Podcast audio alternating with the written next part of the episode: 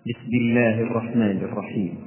إذاعة طريق الإسلام على شبكة الإنترنت تقدم لكم. السلام عليكم ورحمة الله. هذا حديث موجه إلى كل مسلم فوق كل أرض وتحت كل نجم. إلى المسلمين الذين عقدت عقدة الأخوة بينهم يد الله حين أنزل في كتابه الكريم إنما المؤمنون إخوة.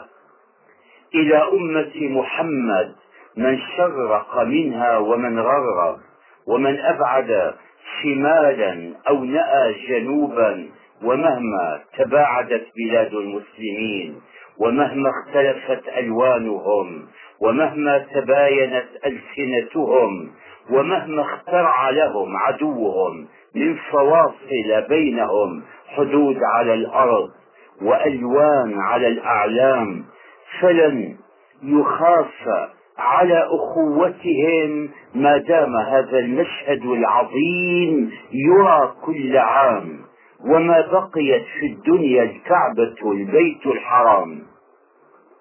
أخاطبكم يا إخوان من هنا من عرفات من حيث وقف محمد بن عبد الله صلى الله عليه وسلم يعلن حقوق الإنسان قبل أن تعلنها الثورة الفرنسية وقبل أن يقرها المتحضرون اليوم بأكثر من ألف سنة.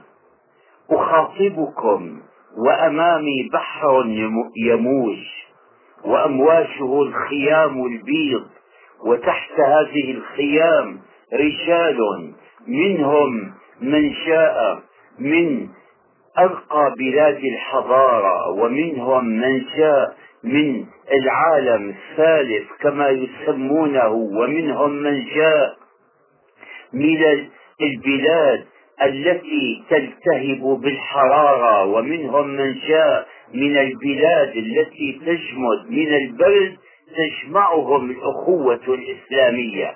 الأخوة الإسلامية حقيقة واقعة. كانت في الصدر الأول على عهد الرسول عليه الصلاة والسلام وعهود خلفائه الراشدين تشمل الحياة كلها السياسية والاجتماعية والخلقية فكان المجتمع الإسلامي كله كالأسرة الواحدة. بل كان كما شبهه الرسول نفسه بالجسد الواحد تربط الأعصاب أعضاءه كلها. فإذا تأذى عضو منه حملت الأعصاب الألم إلى الجسد كله. ثم تراخت عقدة الأخوة ولكنها بقيت أخوة سياسية وبقي المسلمون دولة واحدة لها حاكم واحد. ثم بدأت تنحل فتصير الدولة دولا وتصير الأمة بالعرف عرف الناس أمما. ثم بدأت العودة وبدأت اليقظة جاءونا ببدع بدعة القوميات وغيرها فرقوا فيها جمعنا ولكن ولكن الله أذن لهذا الليل أن ينقضي وللفجر أن يطلع. فجر التضامن الإسلامي فجر أخوة الإيمان. الدعوة الإسلامية خرجت من هنا أول مرة من هذا البلد الأقدس. وخرجت الدعوة إلى التضامن من هنا من هذا البلد الأقدس. ولقيت كل منهما الصد والرد ثم مكن الله لها وشرع لها طريقها لتسلكه إلى غايتها. والله أنا آتيكم اليوم متفائلا متفائلا رغم ما نراه من حولنا من متاعب ومن مثبطات راجيا شاكرا الله لأنها بدت تباشير الفجر بدت تباشير فجر اليوم الجديد. لما رجعنا هذه الرجعة إلى الإسلام. يا أيها الإخوان أقول لكم أنتم ما تركتم بلادكم. ولا حملتم المشاق والأهوال ولا رضيتم ببذل كرائم الأموال إلا لتقفوا اليوم هذا الموقف.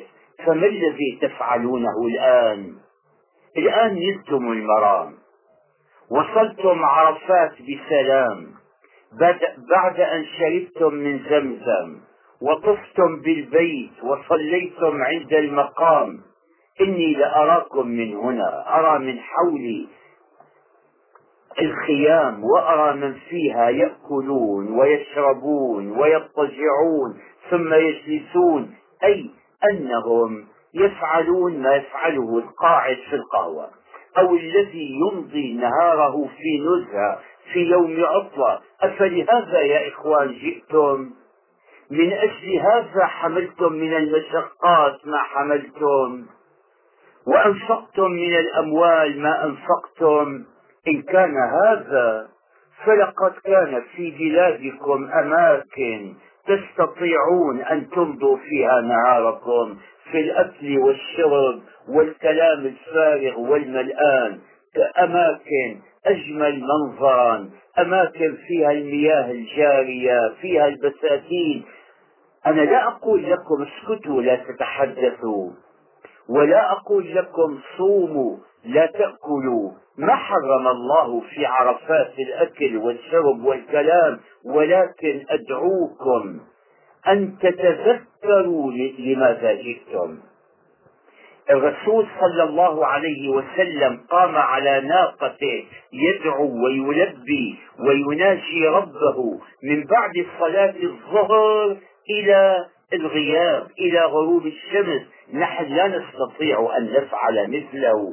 قست قلوبنا وضعفت عزائمنا فلنصنع مثله لا ساعات اليوم جميعا بل ساعة على الأقل من اليوم. يا إخوان أنا أخاطبكم وأخاطب نفسي معكم فأنا مثلكم. بل إن أكثركم خير مني فلنقل لأنفسنا إننا نعيش كل يوم للدنيا أفلا نعيش للآخرة يوما واحدا؟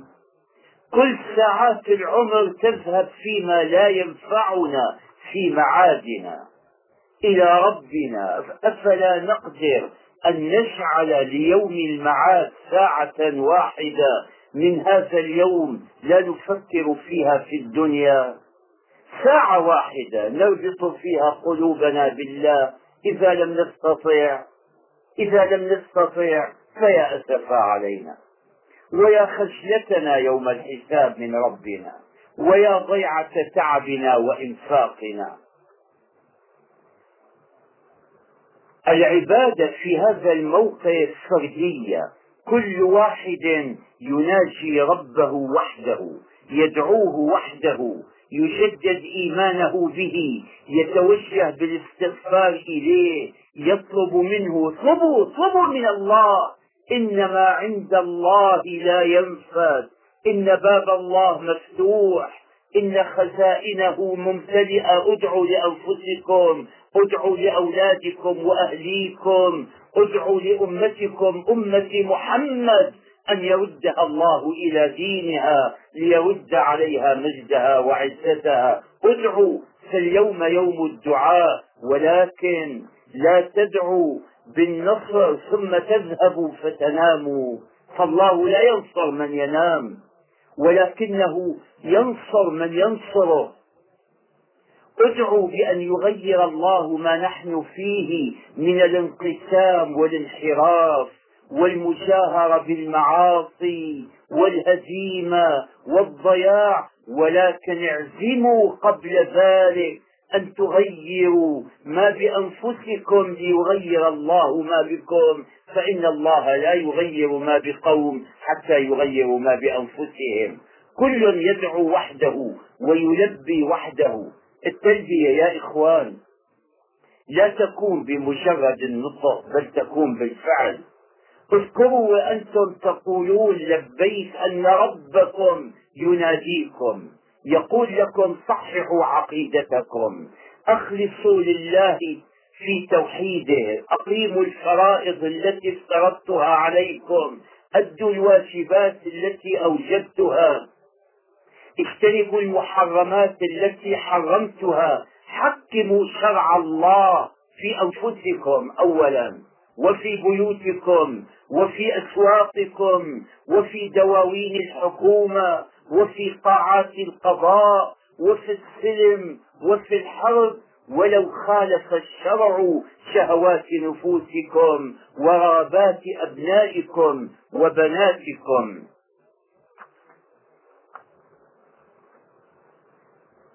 انظروا حولكم الدنيا يا إخوان فيها فوارق كثيرة تفرق بين الناس فوارق في اللون وفي المال وفي الثياب وفي اللسان إلا في هذا المكان في هذا اليوم. هل يفرق اليوم بين الحجاج شيء من هذا؟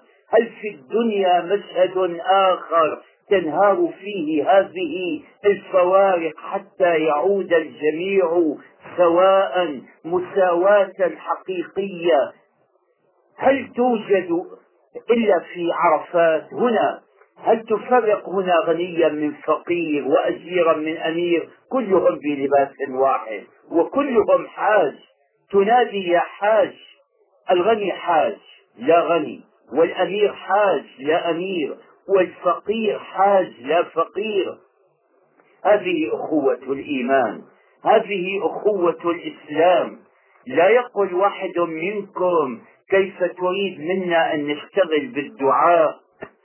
وقد أخذت إسرائيل القدس أنا لا أريد أن تشتغلوا اليوم بالدعاء لأن القدس أخذتها إسرائيل. ولا أريد أن تستردوا القدس من إسرائيل بمجرد الدعاء. ولا يريد ذلك الإسلام. الدعاء الدعاء هو أن تملأوا قلوبكم بالإيمان الذي يدفع إلى العمل. هلا أما رأيتم سائق السيارة يوقفها؟ إذا فرغت البطارية ليملأها بالكهرباء فلا يقول له قائل لماذا وقفت؟ ومن حقك أن تسير. إنه وقف ليأخذ القوة التي تمكنه من المسير. قلب المؤمن مثل البطارية. إذا أوشكت أن تفرغ جاء إلى عرفات فملأها بالدعاء. هنا نبني القلوب. أفتريدون أن نحارب بلا قلوب؟ هنا نستمد القوة التي نستطيع فيها أن نحارب وأن نسترد بلادنا. هنا تتنفس الإنسانية التي خلقها البارود وعلامات الحدود. فتوجهوا إلى ربكم بالتلبية قولوا لبيك اللهم لبيك لبيك أمرتنا فأطعنا ونهيتنا فاجتنبنا لا شريك لك. إننا وقفنا ببابك ننادي لبيك اللهم لبيك قمنا برحابك نصرخ لبيك اللهم لبيك لبيك هذا هو هتافنا اليوم. نلبي بألسنتنا كما نلبي العمر كله إن شاء الله بأفعالنا. نقول لبيك ونطيع ما أمرنا به. نقول لبيك إنكم تلبون تهتز بأصواتكم الفلاة وتتجاوب بها الجبال. فيا أيها الحجاج هذا كتاب ربكم يناديكم أن تجاهدوا في سبيل الله بأموالكم وأنفسكم وأن تستشعروا عزة إيمانكم فقد جعل الله العزة له جل جلاله العزة المطلقة وجعل العزة في الدنيا لرسوله وللمؤمنين. فقولوا لبيك اللهم لبيك. يا أيها الحجاج أنتم الآن في أعظم مؤتمر بشري عرفته هذه الأرض. هذه الأرض التي تقفون عليها هي التي تستمدون القوة منها. فقولوا لبيك وأنتم مسلمون لا باللسان وحده بل باللسان وبالأفعال. قفوا مسلمين بالقول والفعل. قفوا إخوة حقيقيين متحابين متعاونين. اجعلوا إسلامكم قبل القوميات وفوق المصالح وفوق الحزبيات. إنها لا تعيش في الصحراء إلا الآساد والآكام والصخور. فإذا لم نكن أسودا وإذا لم تكن لنا صلادة الصخر فلن نستطيع أن نكون من أبناء الصحراء ولذلك ظهر الإسلام من هنا. إنما الإسلام في الصحراء انتهى ليجيء كل مسلم أسد. يا أيها الإخوة في عرفات هذا هذه تتمة حديثي إليكم.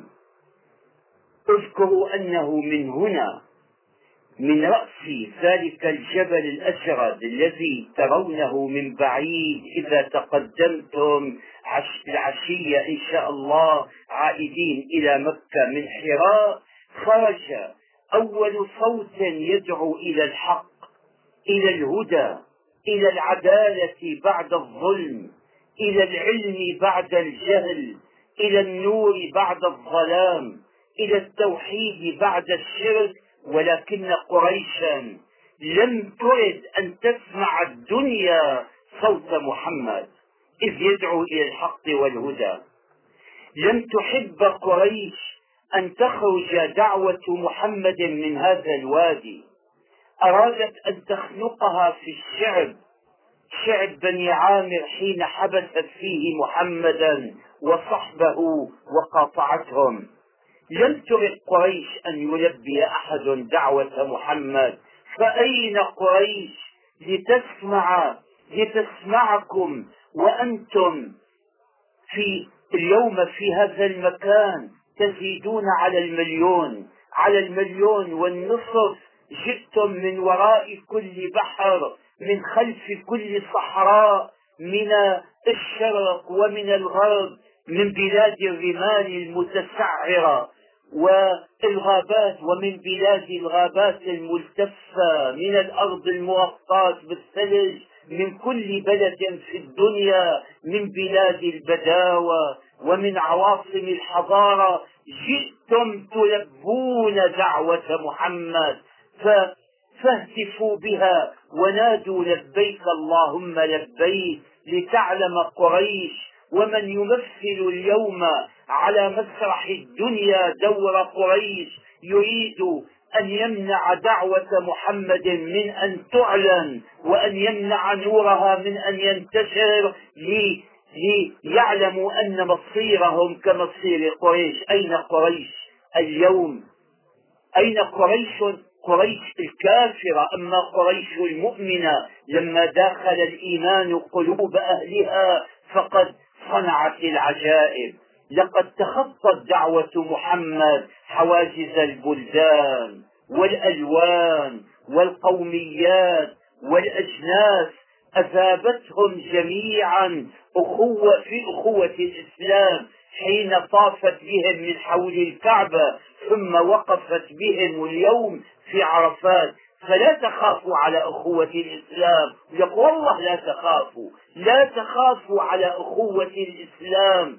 ما دام في الدنيا عرفات وما دامت هذه الكعبة قائمة راسية الآفات عالية الدعائم. فلبوا على رغم أولئك المشركين الذين أرادوا ألا يلبي أحد دعوة محمد. لبوا على رغم أنف كل ملحد كفار يكره أن تعلو الأصوات بفكر الله. لبوا حتى يلبي معكم كل حاج. لبوا حتى يلبي معكم كل مسلم. لبوا حتى تلبي معكم جبال مكة وبطاح الحرم. وروابي عرفات لبوا حتى تلبي معكم مصر والمغرب والعراق والشام والهند وباكستان وجاوا والسنغال وكل أرض يضوئها نور الإسلام. لبوا حتى تلبي معكم الأرض كلها ومن عليها. لبوا حتى تلبي معكم السماوات السبع ومن فيها. لا تقولوها لمراعاة النغمات والإيقاع. لا تقولوها لا تلبوا ليسمع الناس. أخلوا قلوبكم وفرغوها لله قبل أن تنادوا. فرغوها مما سوى الله قبل أن تتوجهوا إلى الله. فتقول لبيك اللهم لبيك ليلبي كل واحد منكم وحده بينه وبين ربه. تصوروا أن الله يناديكم فلبوا نداء ربكم. لبوا الدعوة إلى تحرير المسجد المسجد الأقصى من رجس صهيون إلى تطهير فلسطين من أوضار الاحتلال إلى الجهاد إلى إباء الإلحاد والفساد. من كل أرض يتلى فيها القرآن ويصبح فيها بالأذان. فيا من يريد أن يهدم بيده جبل الإسلام كما أرادت يوما قريش يا من يريد أن يطفئ بفمه نور الله يا من بلغ الغرور به أن يطاول القدر وأن يظن أنه يحارب الله إن الله غالب على أمره.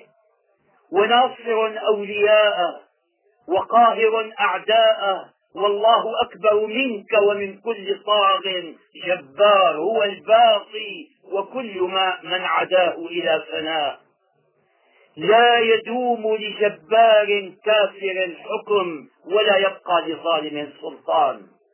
فلا يغتر المتجبرون إن مد الله لهم ولا يحسب الظالمون أن الله غافل عنهم ولا يظن أعداء الإسلام أنهم قد قهروا الإسلام لقد ابتلي الإسلام بخصوم كانوا أشد منهم قوة. وكانوا أطول يدا بخصوم أيدهم كل شياطين الإنس فماذا بقي اليوم منهم؟ لقد ابتلي الإسلام على مدى العصور بخصوم أيدهم كل مارد من شياطين الإنس والجن فأين أولئك الخصوم؟ أين الجيوش التي ساقتها إلينا أوروبا فكان أولها في القدس وآخرها لا يزال في القسطنطينية؟ جيوش الصليبيين.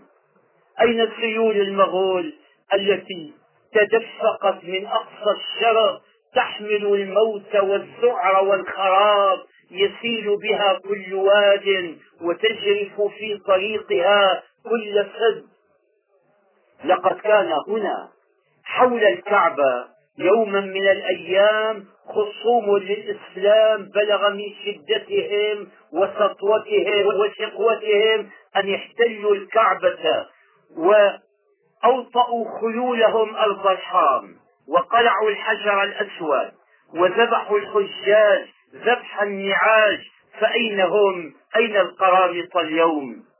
إن تسعمائة وتسعة وتسعين في الألف منكم لا يعرفون من هم القرامطة لقد ذهبوا. وسيأتي يوم من الأيام يقوم هنا خطيب آخر. يخطب كما أخطب اليوم يتكلم عن الماركسيين وعن أمثالهم من أعداء الإسلام. كما أتكلم أنا عن القرامطة فيقول أكثر السامعين ومن هم الماركسيون لقد ضربت صخرة الإسلام موجات إثر موجات كان لكل موجة منها في ساعتها. مثل ثقل الجبل فارتدت الأمواج وابتعد البحر وبقيت صخرة الإسلام قائمة. يا أيها الناس إن الله تعهد بحفظ دينه ونصرة كتابه. إنا نحن نزلنا الذكر وإنا له لحافظون. وكان حقا علينا نصر المؤمنين. فإن كنا اسمعوا يا أيها الحجاج واسمعوا يا أيها المسلمون ممن يصل إليه صوتي الله سينصر دينه وينصر المؤمنين به. فإن كنا مؤمنين حقا ناصرين لله باتباع شرعه وإقامته والعمل به في حياتنا كلها كتب الله لنا النصر والعزة في الدنيا والنجاة في الآخرة. وإن كنا لا سمح الله ولا قدر على غير ذلك استبدل بنا قوما غيرنا فحملوا هم لواء دعوة الإسلام وعدنا نحن لا قدر الله ولا سمع عدنا نحن لا دنيا ولا دين.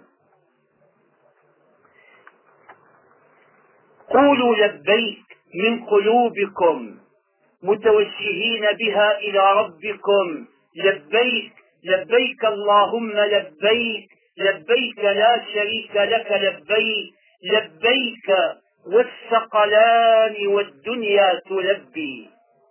لبيك رب العالمين وأنت يا الله ربي. لبيك صوت محمد أبدا بأذاني وقلبي. يا مسلمون وأين أنتم من هدى الهادي محمد؟ عودوا إلى النهج القويم فإن هذا العود أحمد. عودوا. يعد مجد الجدود ويوم بدر يتجدد وتروا صلاح الدين عاد ويوم حطين الممجد. محمد نادى فلبينا الندى لم نستمع في الحق أقوال العدا.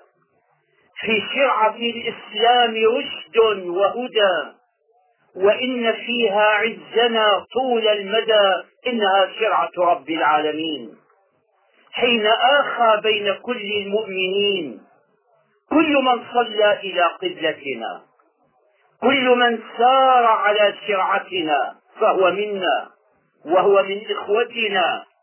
إن يختلف لساننا أو تختلف ألواننا أو تبتعد بلداننا فحسبنا إسلامنا. لبيك قولوها أعيدوا لبيك قولوها تسودوا لبيك اللهم لبيك. لبيك لا شريك لك لبيك.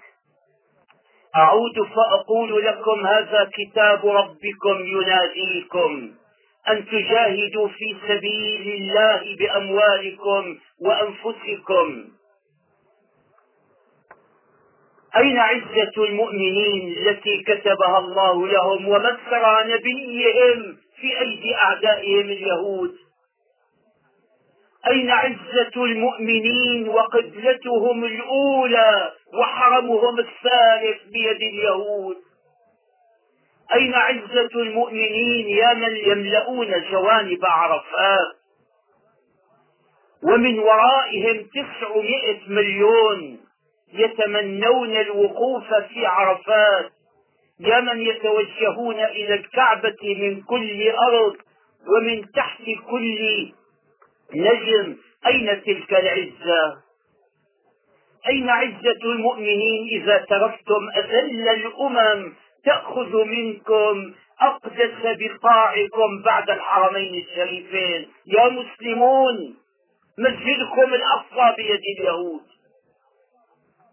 لم يعد المسجد الآمن الذي يجد فيه المصلي السلام ويعلن فيه الإسلام. يا مسلمون اذكروا وأنتم في القبلة الثانية تلك القبلة الأولى. اذكروا وأنتم في مسجد محمد مسرى محمد أتنامون يا مسلمون. إن من يسمع مواء قطة في الشارع لا يستطيع أن ينام من الألم فكيف تنامون؟ وإخوانكم تحت حكم اليهود يؤذون يذبحون تنسف منازلهم. تهدم معاقلهم. كم من أمهات هناك فاكلات وبيوت مخربات ودموع مسفوحات. فاعزموا على الجهاد وقولوا من قلوبكم لبيك اللهم لبيك لبيك ربي قد أتيتك تائبا. أيرد محتاج أتى يتضرع.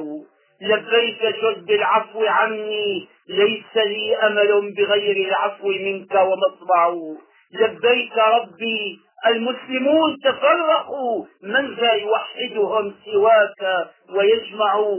بعدوا عن الشرع القويم فردهم. ربي إلى الشرع القويم فيرجعوا الله أكبر. إن كنا مع الله فالله أكبر.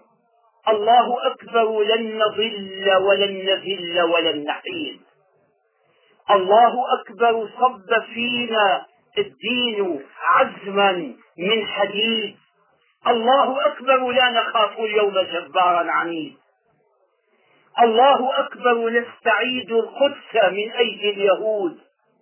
يافا نعود إليك. يا يافا إلى الأقصى نعود.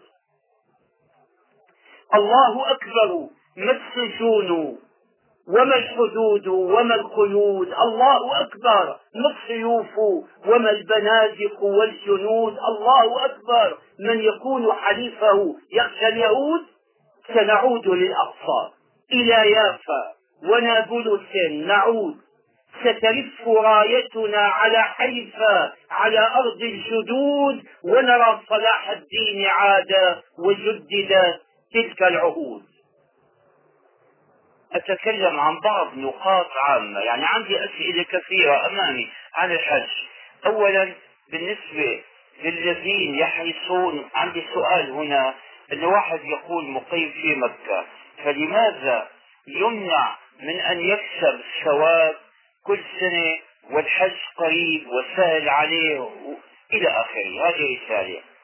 وبيقول بعدين أنه هل يجوز أن يعني يمنع من من يريد الحج الجواب على ذلك الرسول المعلم الأعظم. كان يعلم نظريا ويعلم عمليا. يعني علم المسلمين أحكام الصلاة وصلى أمامهم وقال لهم صلوا كما رأيتموني أصلي. يعني عمل نظري وعملي.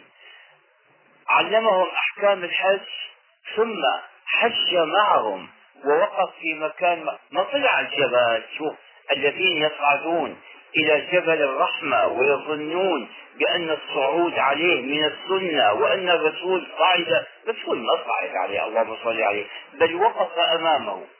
وليس للمكان الذي وقف فيه بالأصل مزية على غيره. الرسول قال وقفت هنا يعني حتى يراه الناس ويسألوه ويتعلموا منها وعرف كلها موقف. يعني كل المنبثق من الأرض ووجوه الجبال المطلة على ساحة عرفات هذه من عرفات. طيب فالرسول إذا قال بعد أن علمهم قال خذوا عني مناسككم.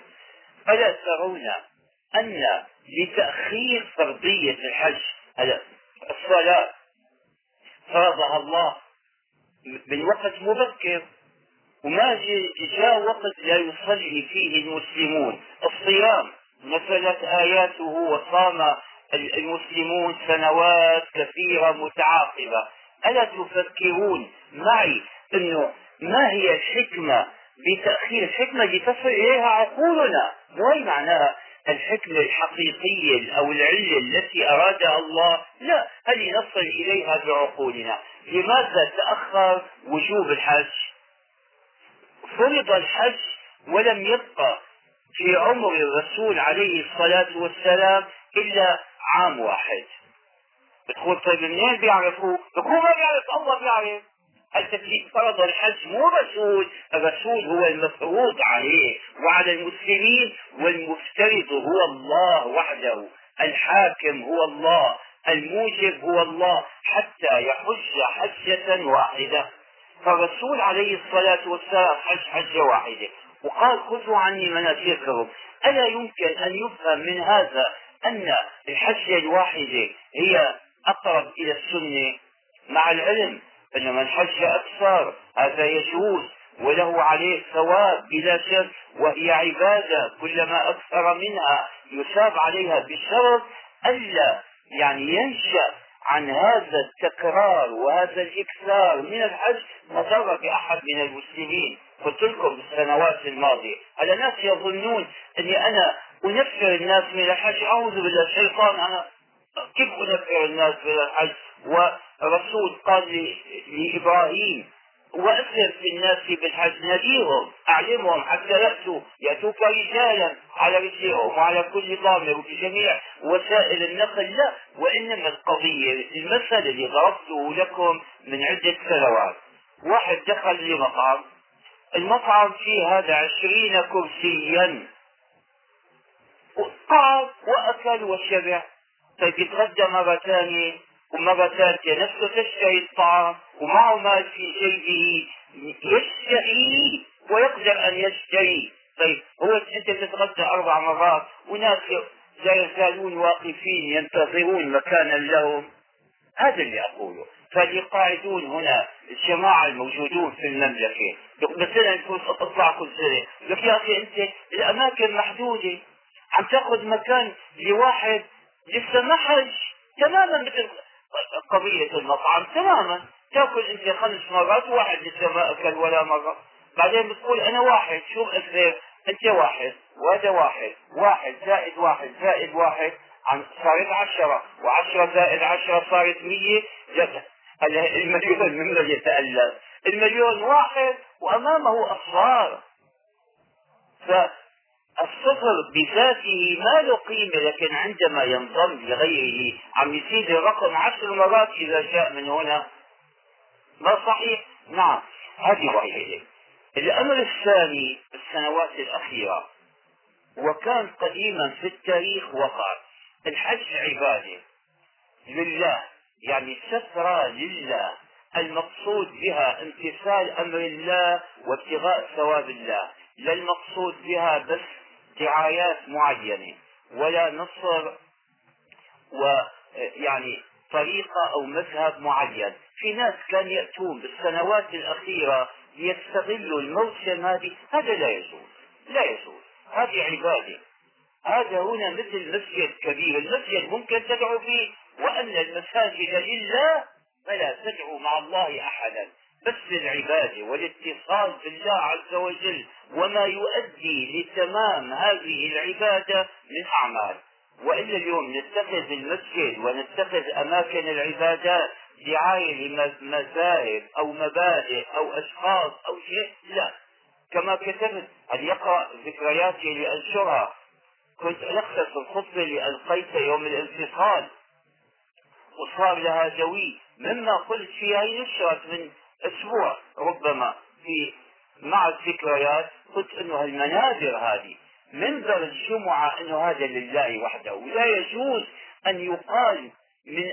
من فوق المنبر إلا قال الله وقال رسول الله. والشرع الذي نبين به معاني وتفسير ما قال الله وما قال الرسول. يعني نتكلم فيه بما يوافق الشرع. هذا ما هو ملك لأحد ولا هو ملك لجماعه وله ملك لمبدا ولا لجمعية ولا لأحد. هذا منبر في الأصل منبر رسول الله عليه الصلاة والسلام فلا يقال من فوقه إلا ما ما شاء به هو نبوي ما شاء به رسول الله أو ما كان شرحا وتفسيرا لما جاء به رسول الله. بعدين الأمر الثالث في ناس اليوم يزعمون بشماشي في واحد مشى مدري منين قلت يا أخي الركب بالحج أفضل أم المشي؟ الرسول عليه الصلاة والسلام حج راكبا أم حج ماشيا؟ حج راكبا. إذا الركب أفضل.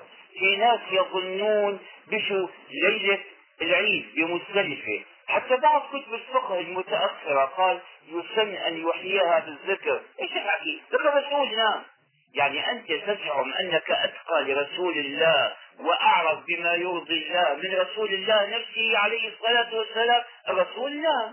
لو كان السهر والذكر فيه أفضل لفعل ذلك. في أمور الأدعية اللي تقال عندي هنا أسئلة كثيرة. واحد والله ما قلت لكم عم ألخص اسمع رؤوس المسائل. واحد كاتب لي أنه ما استطاع أن يحفظ الأدعية. دعاء الشوط الأول والثاني والثالث. فهل يجوز أن يدعو؟ يجوز أن يدعو بما شاء. ويجوز أن يطوف صامتا ما يتكلم بشيء. الأدعية هذه ما صحت عن رسول الله؟ شوفوا ما أقول ممنوعة. يعني لا تنقلوا عني ما لم أقل ولا تفهموا كلامي خطأ. هذا دعاء. وباب الله مفتوح للدعاء في أي وقت. الداعي يدعو بأي لسان بأي لغة بأي أسلوب بأي عبارة. الله يستمع. فاتح بابه. بعدين دعاء المضطر هذا يشاف على أي حال. حتى من غير المسلم. ليش؟ هذا يجاب في أمور الدنيا. أمور الدنيا ربنا يعني تعهد بها لكل من خلق للمسلم وللكافر. هذه ما هي دار ما هي دار محاسبة هنا ولا دار مكافأة وعذاب نعيم وشقاء. لا هذه هنا. الله جعل حق لكل من خلقه أنه يتنفس وأنه يأكل وأنه يشرب هذا شوفوا. الهواء. الهواء اللي ما يصفر عنه الإنسان خمس دقائق ست دقائق يموت يختلف الهواء ألزم شيء للإنسان. هذا ببلاش. وموجود في كل مكان. هذا لأنه ضروري جدا. يليه الماء. الماء يصبر عنه الإنسان مدة قصيرة. موجود أيضا في أماكن كثيرة جدا ومبذولة جدا. يليه الخبز. الخبز موجود. ليش الخبز رخيص والألماس غالي. أنه أهم يعيش الإنسان بلا ألماس لكن لا يعيش بلا خبز. ولذلك الخبز أرخص لأنه يعني كل ما كان الشيء يحتاج إليه الإنسان أكثر يكون أرخص وموجودا. بعدين تحمدون الله على النعمة العظيمة نعمة الأمن هذه موجودة في هذه البلاد حقيقة.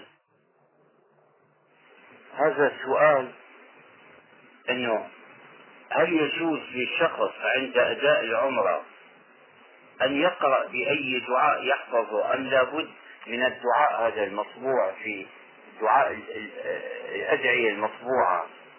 اولا شوفوا الرسول عليه الصلاة والسلام. ما صح عنه دعاء معين؟ فاللي بيصبوا لك يا انه دعاء الشوط الأول ودعاء الشوط الثاني وما أدري ماذا هذه ما هي مرفوعة للرسول اللهم صل عليه. ولا صح أنه كان يقولها ولا صحابته ولا تابعون له نعم. إذا ما حكمها؟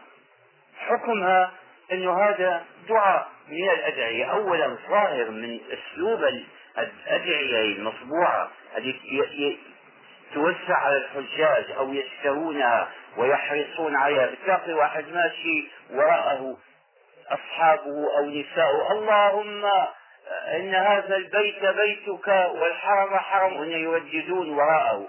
هذا الترداد الشكل. اولا ما أقول بأنه ممنوع هذه واحدة. لكن أضاع روح الدعاء. روح الدعاء شو هو؟ أن تتوجه بقلبك إلى الله. وأن تعتقد أن الله يسمع كلامك ويجيب دعاءك. إذا ما أعطاك الشيء الذي تطلبه يعطيك ما هو خير لك منه. وإذا ما أعطاك في الدنيا يعطيك في الآخرة. ما في ببلاش.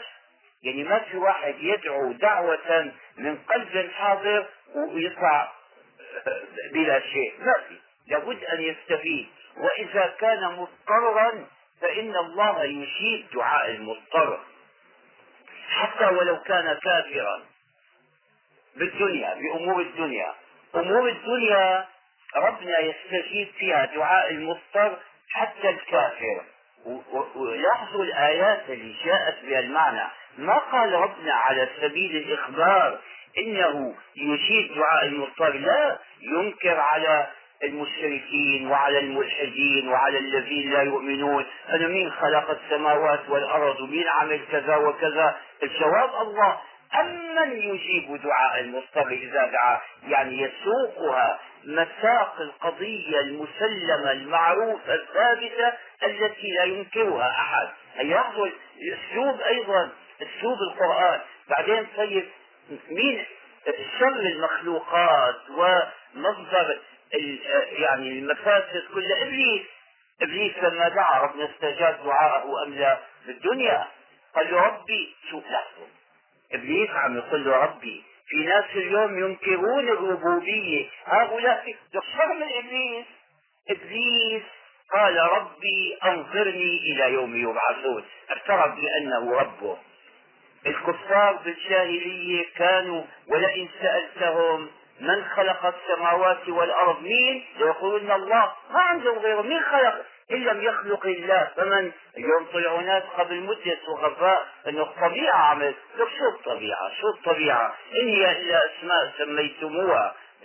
طبيعة. في شيء بالدنيا اسمه طبيعة. والطبيعة هذه فعيلة يعني مطبوعة.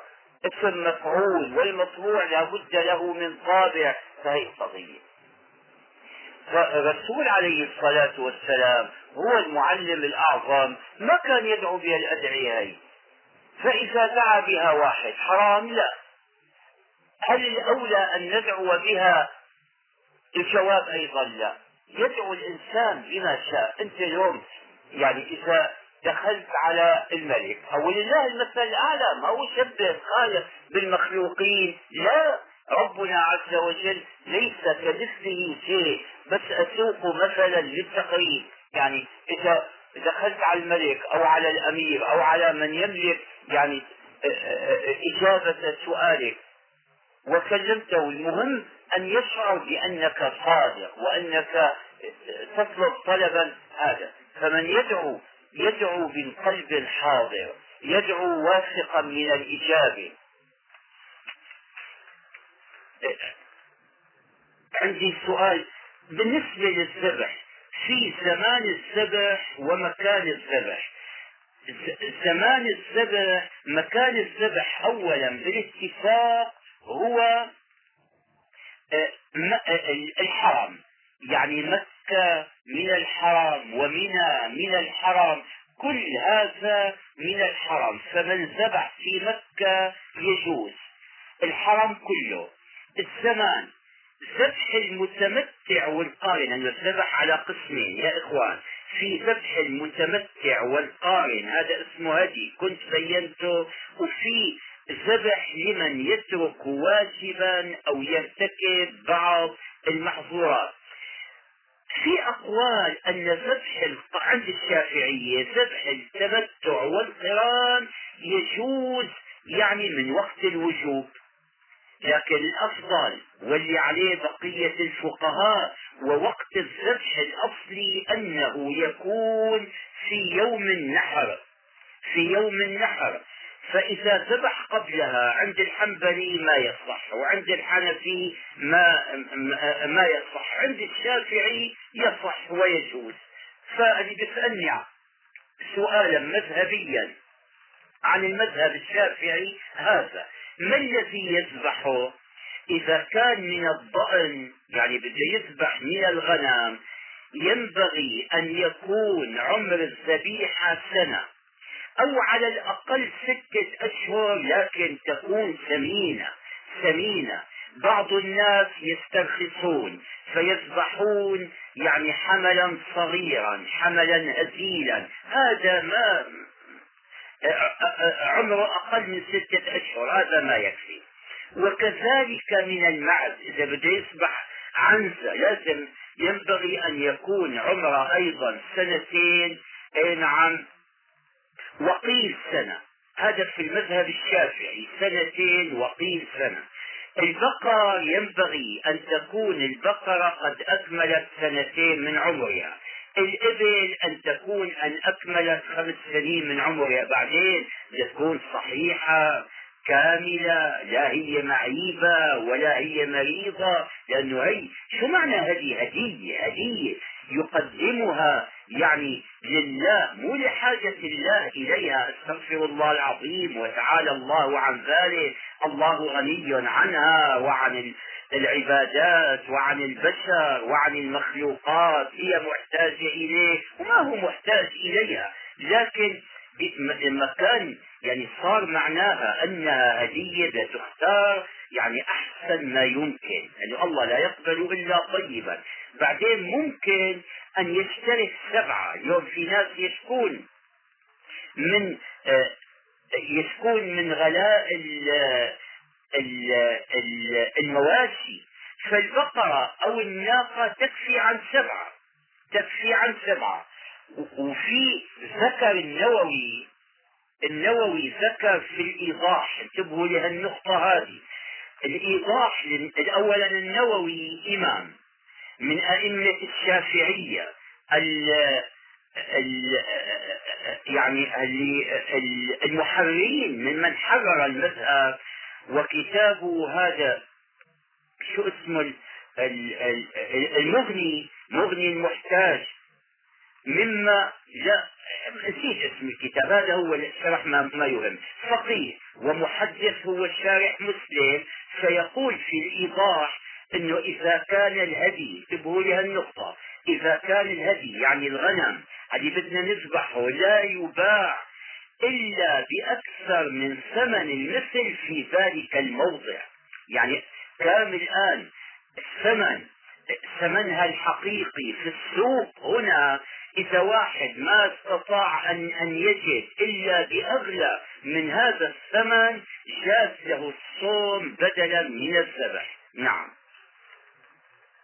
هذا عم يقول إنه ما وجد قصة يعني شوي طويلة عم يقول ما وجد مكانا فوضع أغراضه يعني في آه، الشارع في آه، مكة وخاف إذا ذهب إلى منى فبات فيها أن يضيع متاعه أو شيء. يا أخي نص هذه نص الفقهاء على أن من منعه المرض. أو منعه خوفه من ضياع ماله أو منعه قيامه على مريض واحد معه مريض رفيقه مرض وما في من يعتني به غيره. وقام عليه هذا يسقط عنه وجوب المبيت في منى. وبمناسبة المبيت في منى أحب أن أقول كلمة. اليوم منى يا إخوان لا يمكن أن تتسع لجميع الحجاج على مدى الأزمان.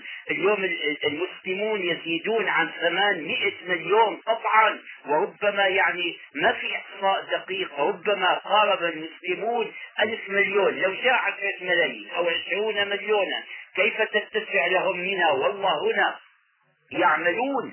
أنا أشهد بالحق أزالوا جبالا من منى. أيام الملك فيصل رحمة الله عليه والآن العمل مستمر. ما بيقولوا همم الجبال تقلع الجبال أسالوا جبالا واليوم مشروعات كبيرة. مع ذلك هذه لا تتسع. إذا امتلأت منى بالخيام واتصلت الخيام إلى خارج منى يجوز مثل لو امتلأ المسجد بصلاة الجمعة وامتدت الصفوف إلى خارج المسجد متصلة. مهما ابتعدت يكون هذا قد صلى في المسجد. تقتضي ظروف عملنا التواجد في المشهد أخي التواجد. اسمحوا لي بكلمة. هلا نكتبوا هون انه على الطلاب أن يتواجدوا في اليوم الفلاني؟ على التواجد مو معناته الوجود. هلا شو معنى تمارض ادعى الفراغ فالتواجد هي من الوجد هلا أحيانا معلش إذا قلنا مسألة لغوية في فائدة.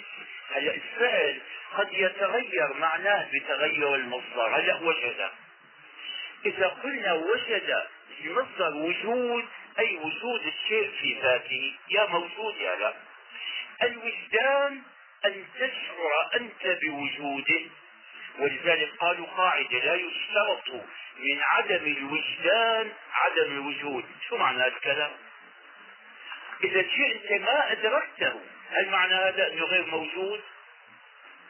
لا.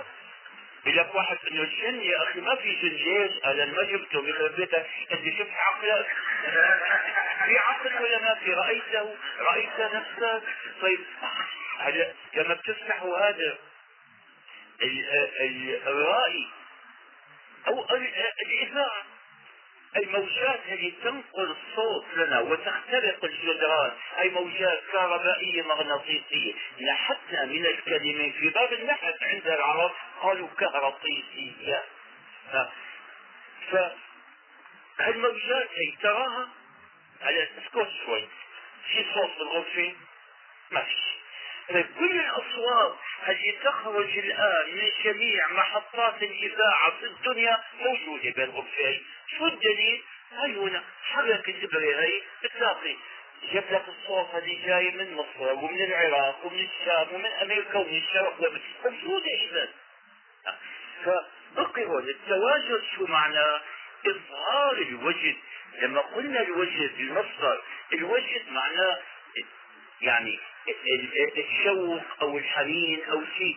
فعند الصوفية اصطلاح تواجد. يعني ما ما تأثر عمل تلاقي عم يسمع مثلا بالقراءة القارئ في بعض البلدان. بدلا ما نعتبر بالقراءة الله! شو بدك عم تسمع عم كتوب والله شيء عجيب. الله بيقول إنما المؤمنون الذين إذا ذكر الله وجلت قلوبهم وإذا تليت عليهم آياته زادتهم طغبا. قالوا يا الله يا عيني لا زادتهم إيمانا. فإذا تواجد غلط. معلش لا يزعل يا أستاذ ما في اسم ولا قلت اسم قال انه اثناء الحج بيكون موجود في المشاعر المقدسة ونتقاضى بدل انتداب مادي عن المدة. وسؤالي هل يتعارض حصولنا على الأجر المادي مع مع أداء فريضة الحج؟ أول يوم من رمضان أول قبل يومين. ببداية أحاديث على مائدة الأطفال قلت الكلام. شوفوا يا إخوان من نعمة الله على المسلم وبالحديث هذا خاص بالمسلم أنه يستطيع أن يجمع بين اللذة في الدنيا وبين الفائدة وبين ثواب الله يعني بيأكل ويعتبر أكله كأنه صلاة. شلون؟ أن ينوي بالأكل نية ترضي الله. أكثر الناس ما بينوي شيء. حطوا الأكل أكل جاء شعر بجوع سألت قبل مدة دعوني هنا لمعهد معلمين عالي كلية متوسطة. قلت لهم أنتم لماذا اخترتم مهنة التعليم؟ تصدق إنه ولا واحد منهم تعجبوا من السؤال. ما خطر بباله هذا كانت صغيرا. صار بسن المدرسة بعثوا للمدرسة. أكمل ابتدائي راح للمتوسطة. ماشي مع أنا أول مرة حجيت هنا.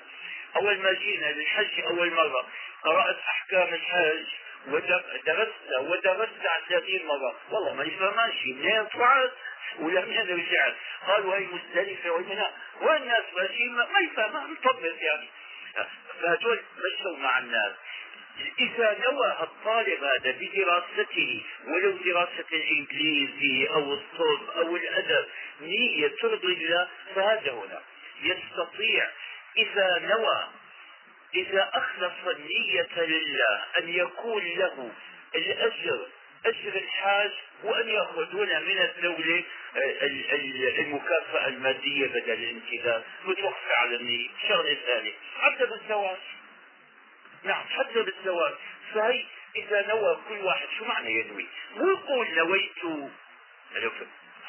كل مرة في الحرام وقف جنبي واحد. قال نويت أن أصلي لله تعالى بعيش أربع ركعات مقتديا بالامام أو ابعد معه شيء شغلني عن صلاتي ما إني هلا إذا ماشي وجدت واحد بيع تفاح عنده تفاح جميل خطر ببالك تشتري تقول نويت أن أشتري من هذا التفاح ثلاث كيلو ما بتقول يا شو معنى النية؟ النية ما هي؟ فكروا معي قولوا معي شو معنى النية؟ أن تتصور الفعل قبل أن تفعله. أي معنى؟ سمعت جرس الباب. تصورت قيامك لفتح الباب هي النية يعني نويت ناس بيقولوا أنه أنا صمت لكن مالي ناوي. شو ما ناوي؟ ليش تسحرت لو قلت لك آخر يوم بشعبان لما أثبت رمضان قلت لواحد إنه بكرة بدي وبدك تتغدى. يعني إذا ناوي هذه النية هذه النية فإذا صححنا النيات لتصير أعمالنا كلها الطعام والشراب والزواج والعمل والوظيفة تكون كلها هذه عبادات على الموظف يستطيع أن يأخذ فوق الراتب ثوابا من الله بأمره أن ينوي أولا رضا الله وأن يؤدي الوظيفة بإخلاص. مو واحد بيجي معاملة ما تأخذوني إذا كان بينكم موظفين إنه تحتاج يمكن هي لخمس ست ساعه بكرة. ليش أنا عم نحكي يحل مسألة كلمات متقاطعة؟ تعين الهاتف أنتم أحيانا يسال والله واحد استعلامات. عم يحكي مع رفيقه هذا أو عم يسأل أو عم يشرب شاي. ولا شوفوا يقطع عمره مغلوط ولا وقت ولا عم مشغول خط أو أنا ما أعرف. أنا اللي أسأل لا أدري. والمدير ما يدري لأنه ما حدا خبره. لكن في واحد يدري. الله رب العالمين. ما فيش تختفي من الله. وين بتروح هل قالوا يا معشر الجن والإنس إن استطعتم أن تنفذوا من أقطار السماوات والأرض فانفذوا. لا تنفذون إلا بسلطان. جاء جماعة من الحمقى قال السلطان سلطان العلم. لك اي علم يا عم باي علم؟ وين بده يخرج؟ لوين على واحد في الدنيا. معارض سياسي في جنوب إفريقيا بروح بيهرب بامريكا اتجه سياسي سياسي. فانت من ملك الله. في إله آخر لو كون آخر تلجا إليه. وين؟ وين؟ وين. هذا السؤال. السؤال يعني لأول وهلة ما هو مهم لكن كثر السائلون عنه. كان بالهاتف أنه واحد أرسل أرسلت لوالدي قال فلوس ليؤدي فريضة الحج على حساب الخاص فقالوا قال له جماعة بأن حجته لم تصح هذا منه فايز أو شيء عبد الله. نعم. لأنه لازم يحج من ماله الخاص. طيب لما أعطيته أنت هذا المال صار ماله الخاص؟ إذا لما أعطيته هذا صار ماله الخاص. فإذا حج به سيكون قد حج من ماله. فالحج صحيح ما في مانع. يعني إذا جاء واحد ملك الآخر آه، يعني مبلغا من المال. أو دعاه لأن يحج على حسابه قال له امشي بتحج معي على حسابي. هل تقبل هذه الحجة وتجزئ عن حجة الإسلام إذا كان ما حجها؟ الجواب نعم. لما بينا محظورات الإحرام من جملتها ألا يلبس الثياب المعتادة ألا يستعمل الطيب ألا يغطي رأسه ألا يعني آه، يقص أظافره. فعندي أسئلة كثيرة مختلفة يعني الأشكال كل موضوعها أنه لو فعل الحاج شيئا من ذلك ماذا يعمل؟ أسهل الأقوال أسهل الأقوال أنه هذا مخير بين ثلاثة أمور. يعني بده يدفع غرامة اليوم إذا واحد عمل مخالفة وأمسكه الشرطي عمل مخالفة سير يدفع غرامة فهي عمل مخالفة هذا. المخالفة إذا واحد ارتكب آه، المخالفة الهينة لا عمل جنحة ولا جناية ما يعاقب بالسجن المؤبد ولا بالإعدام يعاقب بغرامة أو بحبس يسير فما هي الغرامة التي يغرمها من يخالف في مثل هذا هذا. إما أن إما أن يذبح الذبح أو أن يطعم ستة مساكين. يعني الإطعام هذا إما أن يطعمه الطعام ال ال ال الذي يأكل منه مثل ما نص ربنا في الكتاب على كفارة اليمين. من أوسط ما تطعمون أهليكم. بشوف كيف أهله ماذا يأكلون في الأيام العادية لا في أيام يوم الوليمة ولا اليوم اللي يعني يمشونها تمشي هيك. في الأيام العادية يطعم عش... سته مساكين بيعمل لهم دعوة إلى أكلتين وإذا أردنا أن نتبع ما يقوله الفقهاء ما كان عليه ما كانوا يأكلون أيام التشريع الإسلامي يعطيهم من الحب من الحب أو من القمح مثل ما يعطى يوم زكاة الفطر. يعني يمكن كيلو ربع تقريبا من القمح ما أدري معروف هنا المكيال معروف. نعم. أو من الرز. إذا أعطى من الدقيق يجوز لكن هنا بده يراعى الوزن.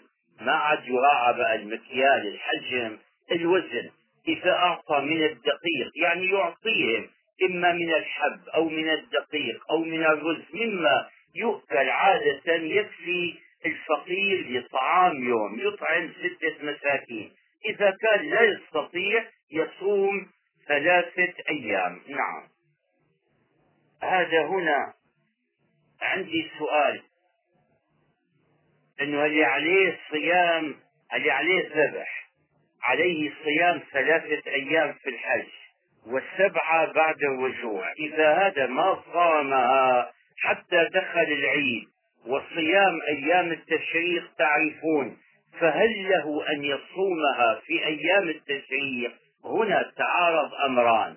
الأصل اللي قلت لكم يا إنه نترك نحن الواجب لئلا نقع بالممنوع لكن المنع هنا من صيام أيام التشريق أخف يعني أضعف من الأمر بصومها لأن صومها أمر قرآني. ولذلك قالوا يصومها والأفضل أن يصومها قبل أن يصعد إلى عرفة.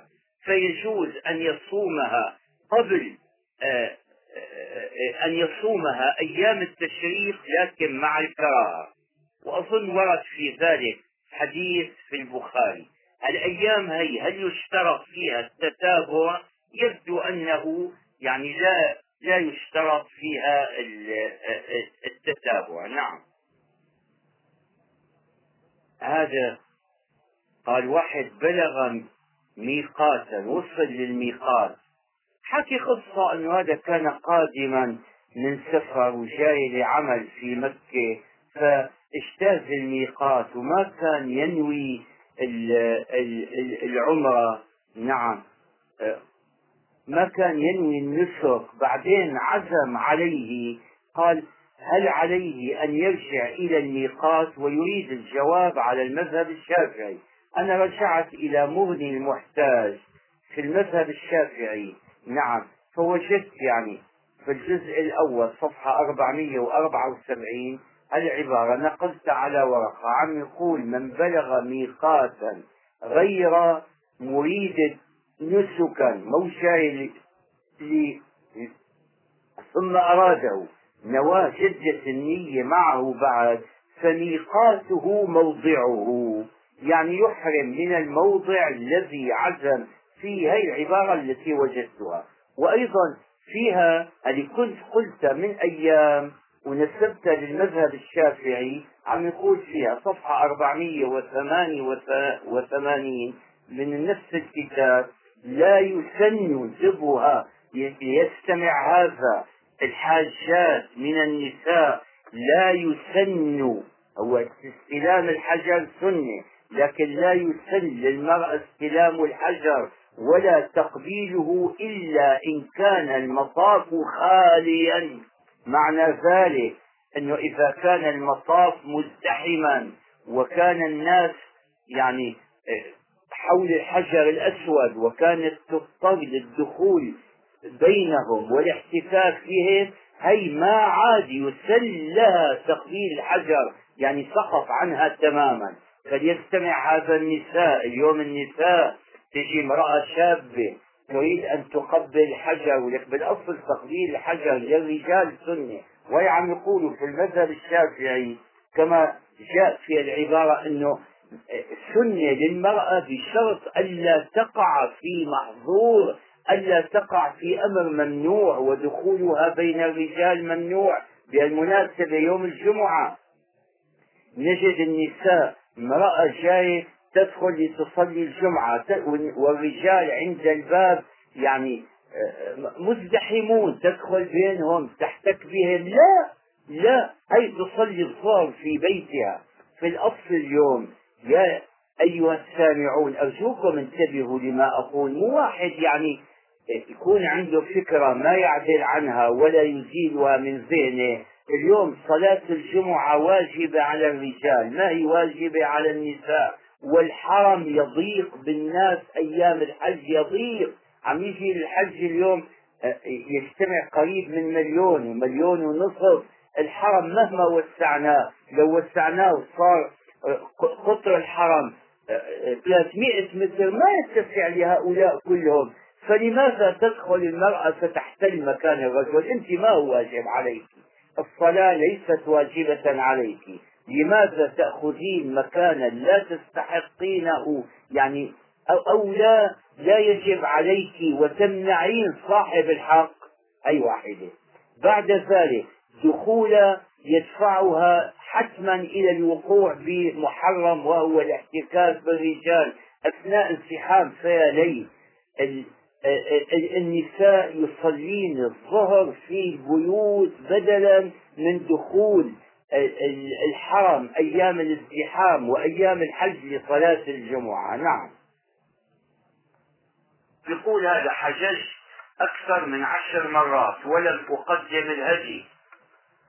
إيه, إيه نعم. إيه من أهل مكة هو. قالوا الآن قالوا له أنه الحجات هي غير صحيحة. لا يا إخوان ال ال الهدي يجب على القارن والمتمتع. من كان يحج حجا مفردا حج فقط ليس حجا مقترنا بعمرة. لو كان من أهل مكة أو من أهل أندونيسيا أو من جاي من أمريكا ليس عليه ذبح إنما الذبح على القارن وعلى المتمتع فقط. والسلام عليكم ورحمة الله.